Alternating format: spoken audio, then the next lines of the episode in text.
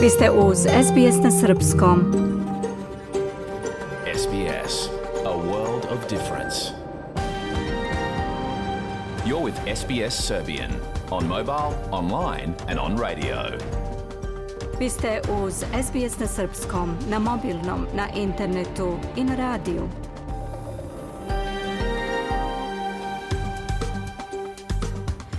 SBS odaje priznanje tradicionalnim vlasnicima zemlje sa koje danas emitujemo program na srpskom.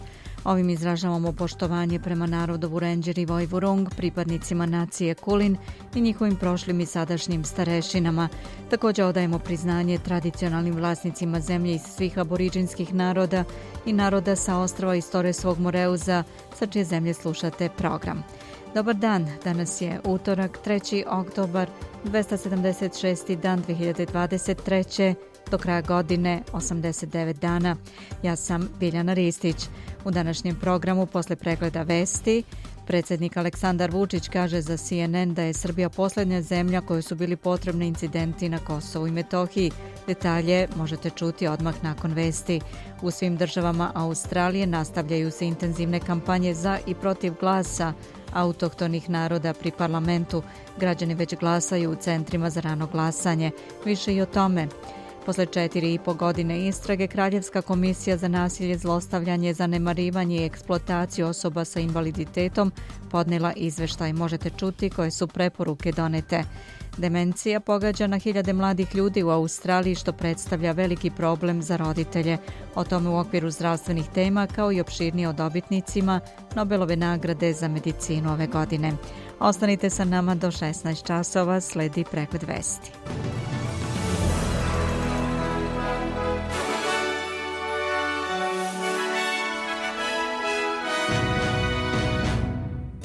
Rezervna banka Australije zadržala kamatne stope na 4,1%.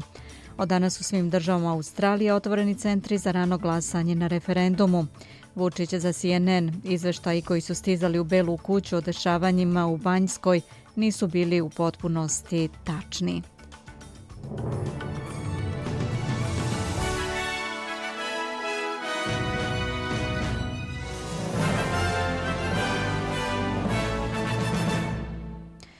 Guvernerka Rezervne banke Australije Michelle Balog ostavila je nepromenjene kamatne stope 4,1 od 100 tokom prvog sastanka poslovodnog odbora banke otkako je u septembru preuzela dužnost. Građani koji imaju kredite za kuću bit će pošteđeni viših kamatnih stopa nakon 12 povećanja u toku godinu dana dok je na čelu banke bio dr. Philip Lowe a očekuje se da će odbor sačekati do objavljivanja kvartalnih podataka o inflaciji 25. oktobra pre nego što promeni vrednost kamatne stope. Vatrogasci nastavljaju da se bore sa požarima koji su van kontrole u različitim delovima zemlje, a upozorenja su izdata na više lokacija širom Viktorije, Tasmanije i Novog Južnog Velsa. Ljudima u regionu Gippsland u Viktoriji je rečeno da napuste imanja ako je to bezbedno, nakon što se šumski požar više nego utrostručio površinski. U Novom Južnom Velsu, region Greater Sydney, Hunter i Northwestern također su pod upozorenjem od ekstremnih požara. Za ove lokacije i okolne regione na snazi su potpuna zabrana paljenja vatre na otvorenom. Upozorenje je također izdato za ostravo Flinders na severoistoku Tasmanije. Rano glasanje na referendumu o glasu autohtonih naroda pri parlamentu nastavlja se širom zemlje, pošto su danas otvorena biračka mesta u Novom Južnom Velsu, predstavničkoj teritoriji Queenslandu i Južnoj Australiji. Premijer Antoni Albanizi kaže da će glasanje protiv značiti da Australija ne napreduje. On je na Tasmani gde nastavlja kampanju. Uh, no is what exists On kaže da bi negativan rezultat referenduma bio samo nastavak status quo situacije. Umeđu vremenu vodeći članovi kampanje ne obratili su se na skupu u Pertu u ponedeljak. Senatorka Jacinta Price kaže da glas nije u skladu sa australijskim vrednostima. Ne želimo da vidimo našu zemlju podeljenu po rasnim osnovama. Ne želimo budućnost u kojoj naša deca neće biti ponosna što se nazivaju australijancima. To nije Australija u kojoj smo odrasli i koju smo voleli, kaže ona. Tim Ujedinjenih nacija koji je posjetio na Gorno Karabah u Azerbejdžanu nije primetio nikakvu štetu na civilnoj infrastrukturi kao što su bolnice, škole i stambeni objekti ili na kulturnim i verskim objektima izjavio je port parol Ujedinjenih nacija Stefan Tižarik. On je rekao da je bio zapanjen načinom na koji je lokalno stanovništvo napustilo svoje domove i patnjom koju im je to iskustvo nanelo. Članovi tima Ujedinjenih nacija nisu naišli na bilo kakve izveštaje ni od lokalnog stanovništva ni od drugih o nasilju nad civilima. nakon posljednjeg prekida vatre, niti su videli uništavanje poljoprivredne infrastrukture i mrtve životinje. Tim naglašava potrebu da se ponovo izgradi poverenje i samopouzdanje što će zahtevati vreme i trud svih strana, rekao je on i dodao da Ujedinjene nacije planiraju da nastave redovno posećuju taj region. Poseta je usledila nedeljama nakon što su azerbejdžanske snage preuzele kontrolu nad enklavom na njenoj teritoriji naseljenoj etničkim jermenima, pošto je izazvalo egzotus više od 100.000 ljudi. Predsjednik Srbije Aleksandar Vučić kaže za CNN da je Srbija posljednja zemlja kojoj su bili potrebni incidenti na Kosovu i Metohiji. Želimo da vidimo veće prisustvo KFOR-a na severu kao jedan od načina da se obezbedi sigurnost Srbima koji tamo žive, rekao je on. Vučić je govoreći o prisustvu Vojske Srbije na području prema severu, rekao da Beograd poštuje izveštaj koji dolaze od američkih obaveštajnih službi, ali da oni nisu potpuno tačni. Kada je reč o situaciji u Bosni i Hercegovini, predsjednik je rekao da je uvek poštovao Dejtonski sporazum i da ga nikad nije dovodio u pitanje. O svemu tome više kasnije u programu. Sednica Savjeta bezbednosti Ujedinjenih nacija na kojoj će biti razmatran novi šestomesečni izveštaj generalnog sekretara Ujedinjenih nacija Antonija Gutereša o radu misije Ujedinjenih nacija na Kosovu trebalo da bude održana 18. oktobra, navodi se u mesečnom planu rada Savjeta bezbednosti Ujedinjenih nacija objavljenom na sajtu. Prethodna sednica održana je 27. aprila. Umeđu vremenu došlo je do porasta tenzija na terenu. Pripadnici specijalne jedinice kosovske policije povukli su se umeđu vremenu iz sela Banjska i njih će sada zameniti pripadnici interventne jedinice, saopšte zameni komandira kosovske policije za region Sever Veton El Shani. On je dodao da će svakodnevno biti prisutne i vatrogasne službe.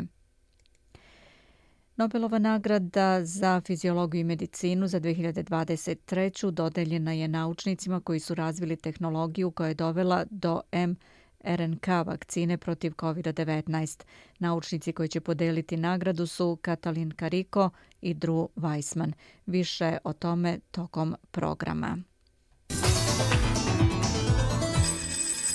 Da pogledamo i kolika je vrednost australijskog dolara danas prema američkom vredi 63 američka centa, 61 eurocent, 53 britanska penija i 71 srpski dinar 10 para. Ukratko iz sporta, Branko Cvetojević. Srpski teniser Novak Đoković počeo je 393. nedelju na prvom mestu ATP rang liste. Novak ove sedmice ima 3200 poena više od drugoplasiranog Carlos Alcarasa, dok Medvedev, Rune, Cicipas i ostali teniseri iz najboljih deset zaostaju daleko više za srpskim masom. Đoković će do kraja sezone igrati još na Mastersima u Parizu i Torinu, kao i u završnici Davis Kupa. S druge strane, Alcaraz će igrati dva turnira više i pokušat će da na taj način sustigne lidera po broju bodova. A na čelu ženske WTA liste i ove nedelje je beloruskinja Arina Sabalenka. Ona ima nešto više od hiljadu poena prednosti u odnosu na poljsku teniserku Igu Švjontek na drugom mestu. Najbolje rangirana srpska igračica je Olga Danilović na 108. poziciji. I još dve informacije iz sveta tenisa. Mladi srpski teniser Hamad Međedović poražen je u polufinalu turnira u Astani od Sebastijana Kordesa 2-1 u setovima. Sva tri seta odlučena su u taj s tim da je Međedović dobio prvi, a Korda druga dva. Amerikanac će se u finalu sastati sa francuskim teniserom Adrianom Manarinom. Za to vreme u Pekingu odigrani su mečevi četvrt finala turnira iz serije 500. Španac Alcaraz je lako savladao Holgera Runea 6-4-6-2 i u polufinalu će se sastati sa Janikom Sinerom iz Italije. Drugi par polufinala čine Rus Danil Medvedev i nemački teniser Aleksandar Zverev. I na kraju ovog bloka da pogledamo i vremensku prognozu. U Pertu tokom popodneva razvedravanje 18 stepeni, lepo vreme u Adelaidu 17, Melbourne intenzivna kiša trenutno 17, tokom popodneva 14. U Hobartu je oblačno sa 17, Kambera trenutno vetrovito popodne, oblačno ali toplo 26. Sidney oblačno ali toplo tokom popodneva 32. U Brisbaneu sunčano 25 i u Darwinu 32. U Beogradu također tokom dana sunčano vreme do 25 stepeni. Čuli ste pregled vesti na srpskom. Za sve najnovije posetite sbs.com.au kosacrta news.